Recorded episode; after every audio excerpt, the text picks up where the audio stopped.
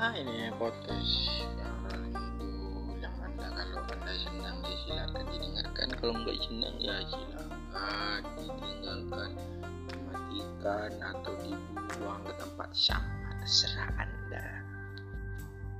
Yang penting itu kontennya beragam sih. Semoga sih macam-macam pokoknya saya mau cerita di sini karena saya yakin dari mendengarkan juga nggak apa-apa.